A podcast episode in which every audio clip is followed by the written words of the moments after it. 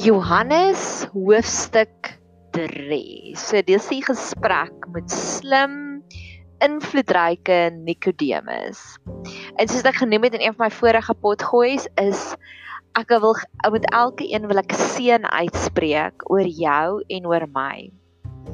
Ek en een van my vriendinne kyk elke week Grey's Anatomy. Ons kan nie wag nie. Ons download dit en dan kyk ons dit op ons rekenaars wanneer ons tyd het en dan deel ons met mekaar die golden nuggets. En ek wil graag hê net so opgewonde soos ek en sy is oor die nuwe Grace, wil ek Grey's Anatomy wil ek graag hê ek en jy moet hierdie opgewondenheid hê oor God se woord. En dan wil ek ook graag hê mag daar 'n gees van herinnering wees. Ek het in die vorige pot gooi daaroor gepraat. Was dit die vorige een? Ja, dit was die vorige een. Oor die gees wat maak dit ons onthou en hoe die disippels daai aha oomblikke gehad het. Want baie keer sê ek vir my vriendin, ek wens alhoewel ek en sy Bybelstudie saam doen ek is ongetroud en ek het nie kinders nie, so ek het woes baie tyd en ek love Bybelstudie. En my werk is ook 'n baie interessante werk waar ek baie keer nie so baie werk nie. Ek kry net kommissie. En dan um het ek meer tyd. So obviously weet ek daar's daar's nie baie mense wat by my ritme kan hou nie. So dit was gisteroggend wat ek besluit het hierdie week is die week vir Johannes en ek is ingesluk in dit in. Maar hoe soos dat ek en sy dinge kan onthou wat sy vir my iets sê van hierdie toneel uit Grey's Anatomy uit. So en dan dadelik kom dit terug sonder harde werk. Dis letterlik dis maklik om dit te recall. Wil ek ook hê die Heilige Gees moet vir jou en vir my herinner uit ons golden nuggets uit van Johannes. En soos wat jy gaan sien, jy gaan sien sekere dinge gaan jou hartsnare prikkel en jy gaan daaroor dink en ander dinge gaan dit vir jou voel ek beweeg baie vinnig daaroor en duidelik het dit my hartsnare nie so intens geprikkel nie. En dis vir die woord van God so amazingly maak. Dis is 'n buffet tafel. Een persoon kan rant en ry vir die crème brûlée en die ander persoon kan sê, "Ag, oh, hierdie is die lekkerste beetslaai wat ek nog ooit in my lewe geëet het." En dis wat die woord van God is. So, Hierdie is 'n verskriklike interessante gesprek. Jesus se heel eerste one-on-one -on -one gesprek met Nikodemus. Met enigiemand in die Bybel, maar met Nikodemus in spesifiek. Behalwe net die two-liner wat hy gehad het met Nathanael, maar hierdie was is intens. En dit is my baie intens. Ek wil eers van alles wil ek teruggaan na Johannes 2 vers 23 oor die tekens. En toe hy in Jerusalem, dis nou Jesus was op die Pasga wat ons gesê het, dit is die Paasfees, dis die Lammetjiefees, dit daar's 'n amazing tradisie wat die Jode nou nog doen met Pasga. Ek het dit eendag hulle noem dit 'n sedermaaltyd en dis nou, dis nou iewers um wat dit opkom en hulle die mooiste mooiste tradisies met soveel diep betekenisse soos hulle eet byvoorbeeld vir 'n week lank voor die tyd brood met geen gis in nie want hulle sien gis is sonde. So elke dag is dit 'n repentance journey waarop hulle gaan om al hulle sonde te verwyder. En hulle eet die lekkerste lamsvleis op 'n Pasga maaltyd en ek kan nou die res onthou nie, maar daar's soveel mooi tradisies met 'n Pasga maaltyd. Ek het al een keer in my lewe die seëning en die blessing en die voorreg gehad om deel te wees van 'n Pasga maaltyd en dit is Wow, daar's nie paashase nie. Dit is joh, dit is geestelik. Maar in elk geval, so Jesus was by die Pasga, hy was by hierdie fees in Jerusalem. Gedurende die fees het hy het baie in sy naam begin glo omdat hulle die tekens gesien het wat hy gedoen het. Die tekens, die wonderwerke het hulle gesien en toe begin hulle aan hom te glo.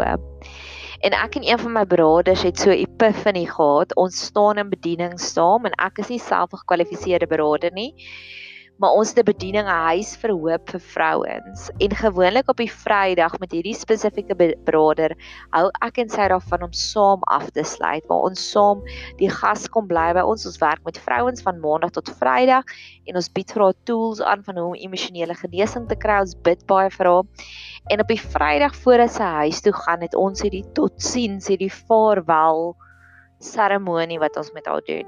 Ek doen gewoonlik met haar aktiwiteit afhangende van hoe die vordering was of ons maak 'n identiteitskaart om te sê wie is jy? Of ons maak 'n geloofskaart om te sê okay dan knip jy prentjies uit uit 'n tydskrif uit van dis waarvoor jy vir die Here vertrou. Jy vertrou vir die Here byvoorbeeld vir 'n gesonde, gelukkige huwelik. En dan sê ek vir jou, goed, maar kom ons sit daarin. Kom ons beplan. Wat beteken 'n gesonde huwelik vir jou? Beteken dit vir jou jy en jou man moet meer aktiwiteite saam doen? Beteken dit julle moet meer Bybelstudie saam doen? Beteken dit jy wil meer komplimente van hom af kry? Beteken dit wat ook al jou gesonde huwelik. So ons gaan sit letterlik en gee dit profeties vir die Here.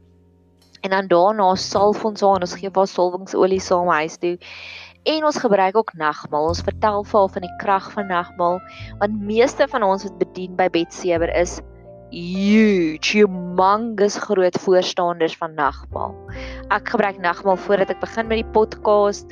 Partykeer wanneer die idee so 'n bietjie krapperig is en dit pos so 'n bietjie, dan gebruik ek sommer nagmaal gedurende dit. Voordat ek 'n groot afspraak het, 'n bedieningsafspraak, gebruik ek nagmaal. En terwyl ons vir hierdie einste gas nagmaal bedien, kyk my beradersie vir my. Sy sê vir my Nadia, besef jy die brood wat simbolies is vir Jesus se liggaam wat gebreek is vir ons en wat simbolies is vir genesing wat gekom word, gekom het, word eers te bedien. En dan word die wyn wat die bloed is wat simbolies is vir vergifnis se sonde word dan eers bedien. En ek sê, "Wow." Sy sê vir my, "Ja, Partykeer gebeur die wonderwerk eers en daai wonderwerk maak dat ons wil terugdraai, dat ons wil repent, dat ons wil wegdraai. En dis vir my so groot punt van daar's baie beraders, baie genees bidders wat sê ja as jy al jou sonde repent en alles as jy nog nie genees word nie beteken dit daar's nog sonde in jou lewe en ek glo nie dit is altyd so nie partykeer is dit so maar moenie dat iemand jou laat in 'n leuen glo dat daar sonde en dis hoekom jy siek is nie. Partykeer is daar dit, maar is nie altyd nie. Ek weet van genoeg ander uitsonderings op die reël en so terloops hierdie een gaan nogals oor die uitsonderings op die reël of eintlik op die alternatiewe ag, die unlikely, die ongewone roetes wat God volg. So, dis vir my interessant waar hierdie vorige hoofstuk afsluit van dat Jesus doen baie tekens, baie wonderwerke en dan kom daar baie mense wat glo. En dis vir my amazing hierdie oomblik wat hier gebeur want die vorige stukkie was waar Jesus ingegaan het en hy die tempel gereinig en hy het gesê dat hy wil die tempel skoon maak en die tempel mag nie so wees nie en ek het 'n pot gooi ook daar gedoen van wat dit vir my beteken. Maar dis 'n tipe van 'n gorilla theater wat Jesus daar op sit.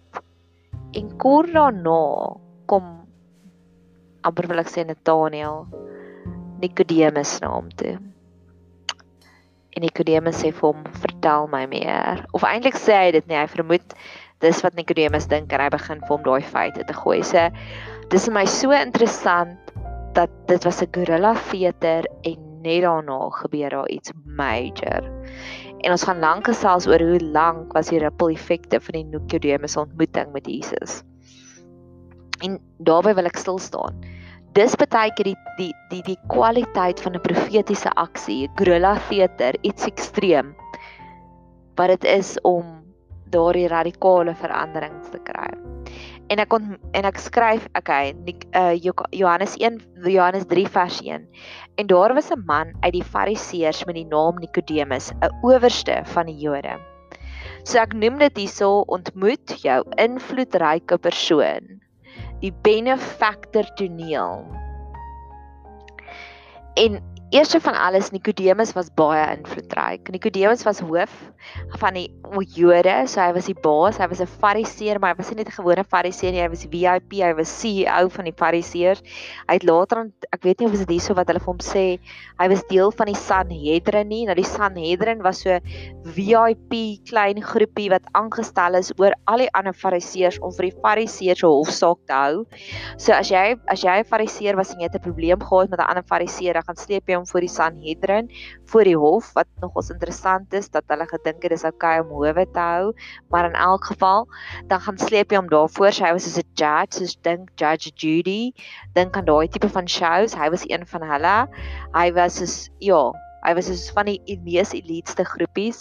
Later aan gaan Jesus ook vir hom sê jy is die leraar. Met ander woorde, jy is nie net enige leraar nie, jy is die VIP leraar. So ek glo Fariseërs het verskillende doele gehad en Nikodemus was die mees die persoon wat die meeste geleer het, die meeste teachings gehad het en hy was skatryk bo op alles, nê. Nee.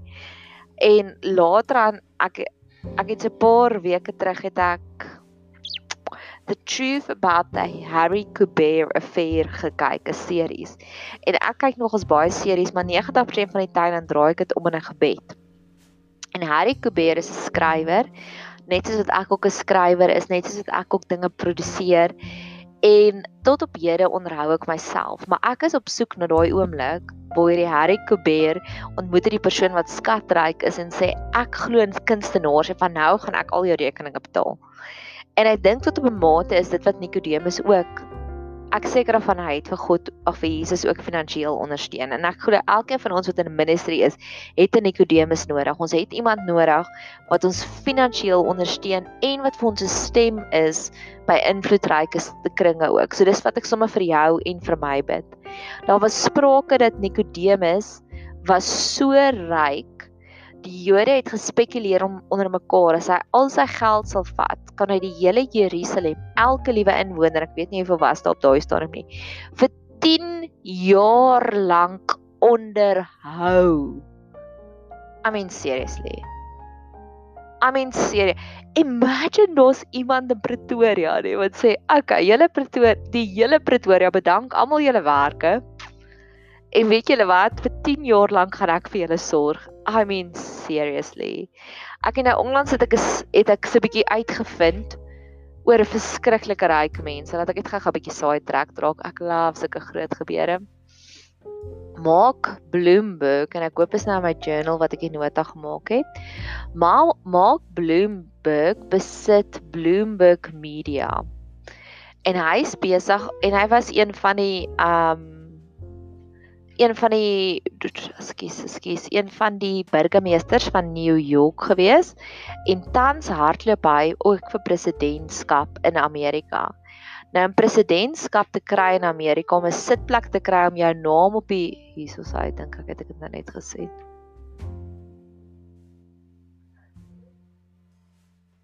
Om jou naam te kry, hierso sê op die stemmingsbladsytjie, op die finale stemmingsbladsytjie want verlede jaar was dit of die vorige keer was dit Hillary Clinton, dit was Donald Trump en dan was nog 'n persoon. So om jou naam te kry, moet jy 'n sekere hoeveelheid media kry, media blootstelling en jy moet geld insamel en dan eers word jou naam gesit. Ek weet nie lekker hoe werk jy politisie nie, maar 2 weke terug, 18 Februarie, het dit gestaan dat Bloomberg het 450 miljoen rand al spandeer op sy media veldtog. As jy dit vat na na rande toe, is dit 6.7 miljard rand. En ek het dit so uitgewerk, toe dink ek as jy vir daai 6.5 miljoen rand, as jy 'n lys maak van almal wat ek ken, almal vir wie ek lief is, wil ek 5 miljoen rand gee. Dan is dit gelyk staan aan 1340 mense vir wie jy elkeen kan 5 miljoen rand gee. So ja, dat dalk was um Nicodemus so ryk soos Mark Bloomberg, dalk was hy nie heeltemal so ryk nie, maar dis 'n idee om vir jou idee te gee van 'n moderne multimiljonair wat um wat aan Nikodemus se vlak hier vergelyk. Ek dink nie ons ken enige Nikodemus of of Mark Bloomberg nie. Nog iets van Nikodemus se rykdom. Hulle sê die die spices, die speserye wat hy gegee het nadat Jesus dood is, was 'n 100 pond se speserye om hom in te en balsam. So dit was heeltemal over the top, heeltemal extravagant as jy dit gaan uitwerk min of meer vandag, net die begrafnisspisserye, dis gelykstaande aan die snacks by Jesus se begrafnis, nê, nee? want dit was nie Josef van Arimatea het vir Jesus se graf gegee. So dit was nie eers die graf die dier item nie. Het hy vir hom 3 miljoen rand se spices gegee toe hy dood is. Hierdie Nikodemus. So ek kan net dink as hy vir hom soveel speserye gegee het nadat hy dood is, hoe het hy waarskynlik vir Jesus geondersteun tydens sy lewenstyd. Mens sal nooit weet nie. Okay, maar dis net God en God het groot drome vir ons en daar's tekens van soveel grootheid as jy regtig voor op 'n mikroskopiese vlak gaan Bybelstudie doen. Versie 2. Nikodeem, ag Johannes 3 vers 2. Sitterloops Nikodemus het 'n uh, evangelie ook geskryf en ek dink is in die apokryfe. Ek sal net gaan check. Hy het in die nag na Jesus gekom en vir hom gesê: "Rabbi, ons weet u is leraar of wat van God af gekom het want niemand van kan hierdie tekens hierdie wonderwerke doen wat u doen as God nie met hom is nie So hy kom na hom toe in die nag en was verskriklike baie skoolleerders wat gesê het hoekom het hy in die nag na Jesus toe gekom? Het hy dalk in die nag gekom want hy was hierdie belangrike fariseer so hy het wat so besig geskedule gehad. Het hy dalk in die nag na Jesus toe gekom want hy was bang ander mense sien hom en dan gaan hulle hom judge en dan moet hy verduidelik en hy wou eers vir Jesus goed uitgecheck het. Of het hy en hierdie is my gunsteling verduideliking in die nag na Jesus toe gekom want hy wou een tot een tyd met Jesus gehad het. En dis wat ek nogals dink.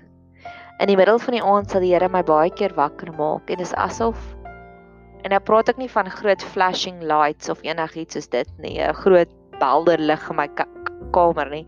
Oor die algemeen is ek baie sound sleeper, maar veral hier teen 4:00 in die oggend, as hy my dan wakker maak, dan is ek al relatief uitgeslaap ek gaan slaap vroeg en dan sit asof daai helder gedagtes is so.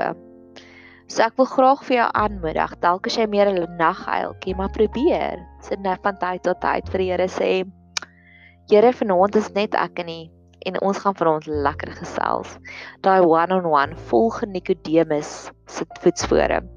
So dan sê Nikodemus vir hom hierdie verskriklike mooi ding wat hy sê, "Rabbi, wat beteken ons ja, u is 'n leermeester. Ons weet dat u is 'n leermeester wat van God af gekom het, want niemand kan hierdie tekens doen wat u doen as God nie met hom is nie." En Jesus antwoord vir hom. En Jesus raas amper met hom Jesus sê vir hom voorwaar voorwaar ek sê vir jou as niemand as iemand nie weergebore word nie kan hy die koninkryk van God nie sien nie.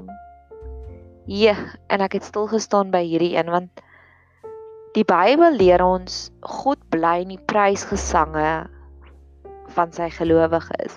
Ek het nou onlangs het ek deur psalms gelees en gewerk en gestudeer en oor en oor staan daar prys God, prys God, prys God. En prys God beteken niks anders as om te brag met God of vir God 'n kompliment te gee nie. En hier kom Nikodemus en hy doen alles reg en hy gee vir hom 'n kompliment en Jesus kabam sê nie o, dankie, wat kan ek vir jou doen nie? I am your genie in the bottle. Geef my jou drie wense nie. Nee, Jesus raas met hom. En hy sê vir hom actually, jy gaan nie die koninkryk sien nie, besef jy dit? En dit is my so ironies en ek het nog ons dink, Here, Here, hoekom? My het alles reg gedoen. Hy het vir jou kompliment gegee, hy het vir goed geprys. En ek glo dat daar 'n verskil tussen opregte komplimente en manipulasie en Jesus kan dit sien. Hy kan sien as jy hom net kom sweet talk om te sê, weet jy wat, hierdie wat jy nou doen, ek sien dis net sweet talk versus God is op soek na opregte prysgesang. Opregte om te sê, "Ja, Here, dit is so awesome." Soos die feit dat die Here my so inspireer om hierdie podcast te maak om 'n intense Bybelstudie te doen, dis alles te dank aan hom. En daai is my eerlike opregte prysgesange. So, dis die volgende ding waarvoor ons kan bid is Here net soos wat Jesus dadelik deur daardie Fox screen kon gekyk het, dadelik deur daardie vals prysgesange kon gekyk het. Want jy gaan sien hier hier verander Nikodemus baie van sy strategie en hy kom by baie baie dieper golden nuggets uit en jy kan sien dat dat Nikodemus tot en met die einde daar was vir Jesus dat hulle regtig 'n regte vriendskap gehad het glo ek. So Jesus vra dadelik daardie piercing questions. Hy gaan nie hy nie van small talk nie. O, hallo, gaan dit met jou? Grankie met jou? Maar eintlik gaan dit glad nie goed nie. Eintlik wil ek net soveel goed verstaan. Jesus vat hom dadelik na die begin toe en hy sê vir hom: "Goed, kom ons praat hieroor. Dis wat ek fout sien in jou lewe." So mag God ook vir ons daardie fast forward knoppie gee want ek glo elke keer wanneer ons eers gesmol talk het, eers om die leuns met trippel om eventually by die waarheid te kom, is tyd wat die duiwel by ons kom steel het. So mag die Here ons sommer dadelik vat fast forward soos wat Jesus dadelik met die met die deur in die huis ingeval het en gesê het dis jou probleem Nikodemus jy gaan hierdie koninkryk sien en dis hoekom nie. Mag ons ook sulke fast forward knoppies kry vir al vir almal wat in bediening staan.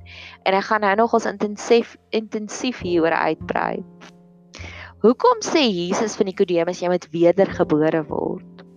En my eerste teorie is Jesus sien duidelik deur alles en hy gee vir ou Nikodemus hierdie 4-stap redemption plan.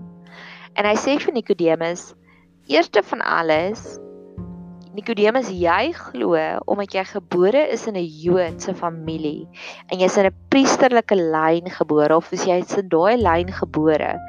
Geplaas jy jou geloof en jou vertroue om in die hemel te kom, om die hemelse delights te sien, plaas jy in jou geboortereg. En ek sê vir jou dit is nie waar dit gaan nie. Jesus calls a spade a spade en hy werk dadelik op ons eie plekke. En ek het dit al baie kere ervaar. Hy weet dadelik wat is ons werklike krapplekke. Ek het eendag na 'n broeder toe gegaan en ek weet sy hoor die Heilige Gees se stem. En sy het my geraas om te sê Nadia, jy probeer jou liggie onder 'n onder 'n emmer weg te steek. En ek sê wat? okay, sorry. Verstaan? Jesus, mense wat regtig word van die Heilige Gees kom en nie dat ek sê hulle is condemnation nie, glad nie, glad nie. Maar Jesus calls a spade a spade en hy kom dadelik aan die ware eina plek toe. Die tweede ding wat ek hier sien is oor die wedergeboorte en ons gaan nou gesels daaroor. Ek wil net kyk hoe lyk ons tyd. Ek sal met afsluit. So ek gaan met hierdie een afsluit ek glo alle geestelike leiers want Nikodemus was 'n geestelike leier moet deur 'n gereelde wedergeboorte proses gaan. En hoe ek dit sien is ek glo met elke trauma is daar 'n stadium wat ons unlearn en undone dit wat ons van tevore geglo glo het. Ek glo ook dit wat van tevore gewerk het, gaan die Here inkom en dan gaan hy dit refresh. En ek het 'n paar geestelike leiers wat ek intiem volg op sosiale media en dit is my amazing hoe hulle konstant reinvent the wheel. Om te sê dit wat ek van tevore geglo het glo ek nou nie heeltemal meer nie. Ek sien nou anders in die lewe. En ek bedoel nie aan die aan die fondasies nie glad nie. Soos die een is ook iemand wat 'n potgoeis gemaak het podcast maak en hy sê hy het vir jare lank verskriklike intensiewe navorsing gedoen en notas gemaak en dan sal hy die podcast maak. Hy van hierdie jaar af het hy vir 2 maande lank stil geraak. En toe sê hy daai seisoen in my lewe is nou vir my. Ek moet nou meer organic gaan en en dis amazing daardie nuwe vrugte, daardie nuwe wyn wat te vore kom. En ek kyk na ons geestelike leiers, na mense soos Greta Wit. En sy wat nou verlede jaar deur 'n egskeiding gewerk het. Ek glo dit is 'n tipe van 'n wedergeboorte want dit is 'n trauma, dis 'n dood. Waar sy gegaan het, 'n dood van 'n huwelik. En dis juist uit daai wedergeboorte uit waar sy vir gelowiges nuwe vars wyn kan van tevore bring. My liefdeslewe is 'n konstante wedergeboorte en ek dink ek vermoed ek is nou tans weer op so 'n reis. Maar as ek moet terugkyk, elke keer wat my hartjie regtig waar intens gebreek is, daar's 'n nuwe tipe sagtheid, 'n nuwe tipe deernis wat daar uitkom. So ek glo die oomblik wat jy sê yes please sign me up vir enige bedieningsreis gaan daar 'n natuurlike proses kom wat gereelde wedergeboorte in um betrek. En wedergeboorte is 'n sterfte en dan kom die nuwe geboorte. En ek wil afsluit met hierdie gedeelte van 'n wedergeboorte. Ek het die woord gaan opsoek en om te kyk wat beteken die woord wedergeboorte of weergebore. Nou gebore is maklik en daar's 'n prinsipel van 'n eerste genoem. Wat jy gaan kyk wat is die woord in Grieks en dan kyk jy wanneer word dit die eerste keer gebruik. En die gebeur woord gebore is actually baie maklik en baie straightforward en baie eenvoudig, maar dit word in Matteus 1 vers 2 word dit die eerste keer genoem.